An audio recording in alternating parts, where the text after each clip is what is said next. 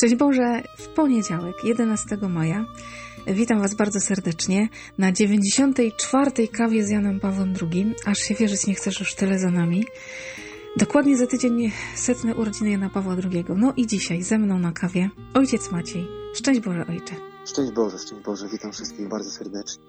Bardzo się cieszę, że w tej końcówce się możemy kawowej jeszcze spotkać, już na takim No ja zupełnie ostatnim odcinku.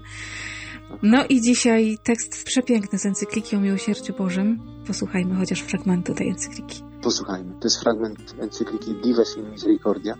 Tego, co się dokonało pomiędzy Ojcem a Synem z Chrystusowej przypowieści, nie sposób ocenić od zewnątrz. Nasze uprzedzenia na temat miłosierdzia są najczęściej wynikiem takiej właśnie zewnętrznej, tylko oceny.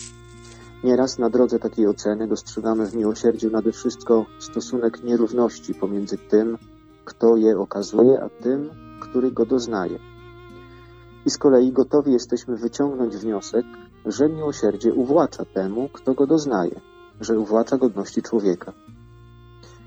Przypowieść o synu marnotrawnym uświadamia nam, że jest inaczej.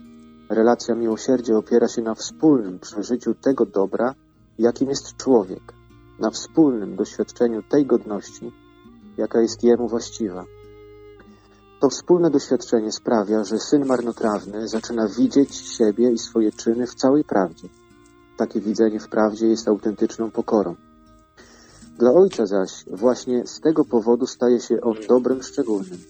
Tak bardzo widzi to dobro, które się dokonało na skutek ukrytego promieniowania prawdy i miłości, że jak gdyby zapomina o całym złu, którego przedtem dopuścił się syn.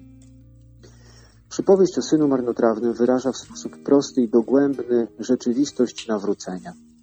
Nawrócenie jest najbardziej konkretnym wyrazem działania miłości i obecności miłosierdzia w ludzkim świecie. Właściwym i pełnym znaczeniem miłosierdzia nie jest samo choćby najbardziej przenikliwe i najbardziej współczujące spojrzenie na zło moralne, fizyczne czy materialne. W swoim właściwym i pełnym kształcie miłosierdzie objawia się jako dowartościowywanie, jako podnoszenie w górę, jako wydobywanie dobra spod wszelkich nawarstwień zła, które jest w świecie i w człowieku. W takim znaczeniu miłosierdzie stanowi podstawową treść orędzia mesjańskiego Chrystusa oraz siłę konstytutywną Jego posłannictwa. Tak też rozumieli i tak urzeczywistniali miłosierdzie wszyscy Jego uczniowie i naśladowcy. Nie przestała ona nigdy objawiać się w ich sercach i czynach jako szczególnie twórczy sprawdzian tej miłości, która nie daje się zwyciężyć złu, ale zło dobrem zwycięża. Trzeba, żeby to właściwe oblicze miłosierdzia było wciąż na nowo odsłaniane.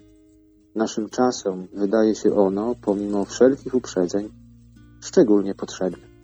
Fragment krótki. Pierwsza moja myśl w ogóle, jaka mi się pojawiła dzisiaj w głowie, chociaż czytaliśmy już parę fragmentów z tej encykliki, że to jest niesamowite, że Ojciec Święty na podstawie jednego fragmentu z Pisma Świętego napisał całą encyklikę. Mistrz. Tak, no myślę, że można by napisać jeszcze więcej. Są tacy, którzy w ogóle mówią, że ta przypowieść, ta jedna przypowieść wystarczyłaby, żeby wyjaśnić całe Pismo Święte. Dotykamy tu miłosierdzia Bożego, które ciągle gdzieś nam się tam przewija i pojawia. I tak często zupełnie nie rozumiemy, tak mi się wydaje, nie rozumiemy miłosierdzia Bożego do końca. I Ojciec Święty znów mam takie poczucie, nie pierwszy raz na kawie, że bierze nas za rękę i tak prowadzi krok po kroku, pokazując, tak jak, nie wiem, małym dzieciom się pokazuje świat. Zobacz, tu się pochyl, tu zobacz, tu powąchaj, tu dotknij. Jak najbardziej, coś w tym jest. No ja tutaj tak bardzo mocno zwróciłem uwagę właśnie też w tym kluczu na pierwsze zdanie, zupełnie pierwsze. Może też dlatego, że Mhm. tutaj to jest napisane w cudzysłowie i to tak jakoś przykuło mój wzrok, ale ten fragment zaczyna się w taki sposób. Tego, co się dokonało pomiędzy ojcem a synem z Chrystusowej przypowieści, nie sposób ocenić od zewnątrz. No rzeczywiście, tak naprawdę no niczego, co chrześcijańskie, co Boże, nie da się ocenić od zewnątrz. Jakiekolwiek przeżywanie od zewnątrz jest porażką. Że to jest takie gadanie nie wiadomo o czym. Są tacy, którzy się mądrzą na temat wiary, Boga, coś tam opowiadają, próbują coś mówić, atakują, tłumaczą. Natomiast nie są w doświadczeniu Boga i tak naprawdę nie wiedzą o czym mówią. O to Mhm. chodzi.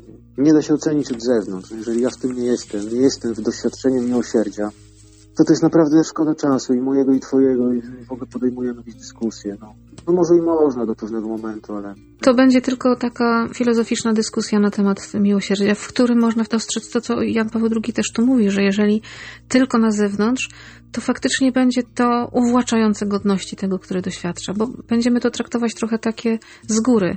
Tak jest, dokładnie, to w ogóle nie o to chodzi. No. Jan Paweł II był człowiekiem e, doświadczenia i dlatego te jego, no zwłaszcza te dokumenty, bo kiedy gdzieś tam jest spisane jakieś jego kazanie, gdzie on jeszcze no, sobie pozwolił na odłożenie kartek, a robił to często i tak mówił sercem na dłoni, to zupełnie inaczej brzmi, inaczej się tego słucha, natomiast dokumenty są rzeczywiście takie trudne, są Mhm. pewne zasieki.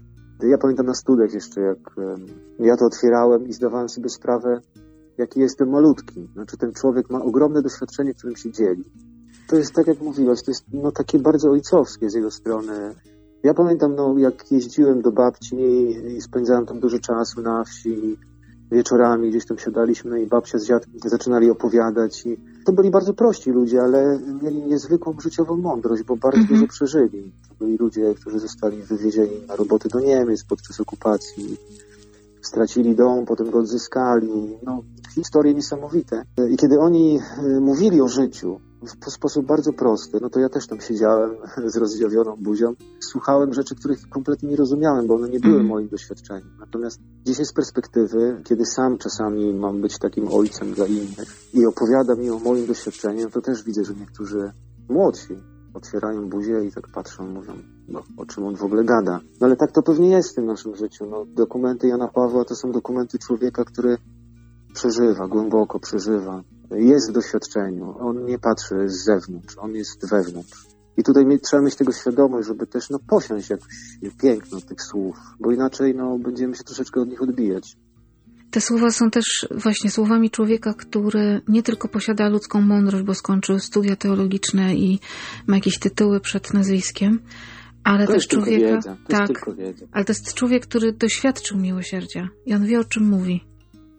Tak, tak, no dla mnie jest ta różnica, dlatego mówię tak, nie Mhm. oczywiście, żeby tutaj teraz mówić, że wiedza nie jest potrzebna, ale wiedza nie jest wystarczająca. Sama wiedza, ja mogę zdobyć ogrom wiedzy, ale no, nie będę wiedział, co z nią zrobić. Będę Mhm. miał ogromny potencjał w sobie, ale bez mądrości, a mądrość, mądrość to jest po prostu życie, to jest przeżywanie, to jest doświadczenie. No tam, czy- stamtąd czerpiemy mądrość. I tam oczywiście wiedza może się przydać, może mi bardzo dużo rzeczy ułatwić w zdobywaniu mądrości, ale niekoniecznie musi. Może mi też pewne rzeczy zablokować, bo ja po prostu będę dużo rzeczy wiedział. E, Mhm. I to może mnie no, przymknąć troszeczkę na doświadczenie. Mi jest też niesamowicie bliski fragment z Ewangelii, ten właśnie, że zakryłeś te rzeczy przed mądrymi roztropnymi, a objawiłeś je ludziom prostego serca. Bo tak się tobie spodobało. Tak się Panu Bogu ja spodobało. bardzo tak, lubię to. prostaczkom. Tak, To jest tak, takie tak. bardzo takie czułe właśnie Mhm. określenie człowieka. Człowieka takiego, nie w sensie prostaka, nie? tylko takiego Mhm. człowieka, który, który jest taki, taki prostolinijny, taki Tak, pokorny. tak. Taki, No tak jak No, ojciec wspominał, nie? To, to świadczenie dziadków. No ja też mam takie wspomnienia, kiedy jeździliśmy do mojej babci na wakacje. I też wiele takich, takich prostych rzeczy. Nawet to nie były takie przekazywane teraz usiądź dziecku, jako ja cię nauczę. Tylko to się po prostu działo pomiędzy, nie wiem, karmieniem świnek, kur, koszeniem żyta. Działa się ta mądrość. Kiedy się siadało do stołu i babcia coś mówiła i to się kodowało gdzieś, że to są takie oczywiste rzeczy. Dziś z perspektywy Tak, wiem, tak. że to była niesamowita mądrość, nie?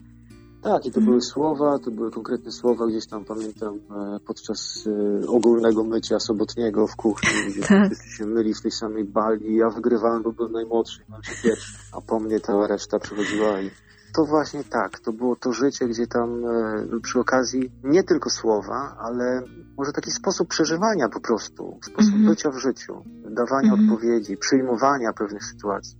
Bo my też dzisiaj jesteśmy w takim troszeczkę kopaniu się z tym naszym życiem. Znaczy my próbujemy życiu narzucić nasz rytm.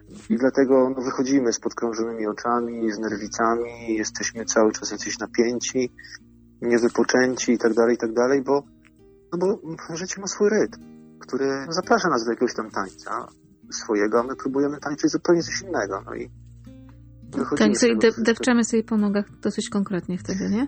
No, tacy trochę posiniaceni, Mhm. trochę pokopani. Może też kiedyś było łatwiej ten rytm zachować, ten rytm wsi, pół roku. No u babci to się mocno odczuwało. On był naturalny.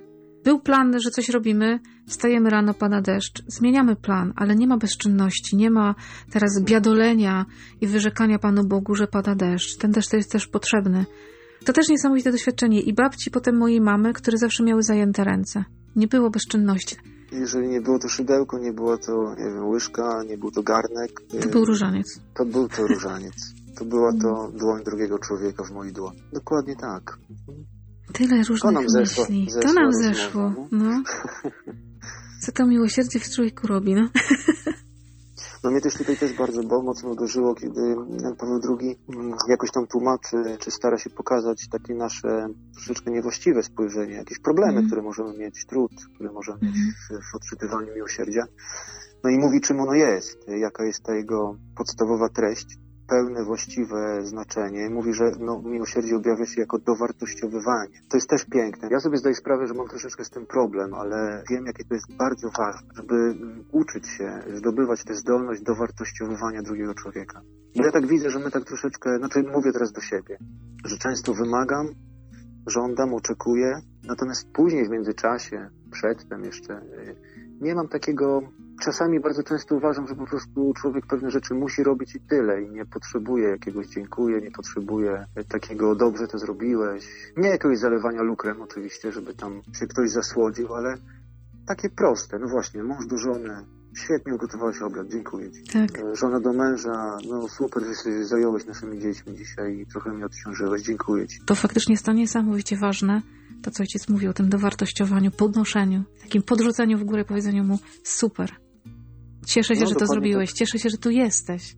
Tak mówi Jan Mm. Paweł II. Dowartościowywanie, podnoszenie w górę, wydobywanie dobra z wszelkich nawarstw i zła, które oczywiście Mhm. są. Mhm. A człowiek miłosierny to nie jest człowiek, który głaszcze po policzku i mówi, jestem miłosierny, wobec tego rób ta, co chce ta. Wobec tego Tak.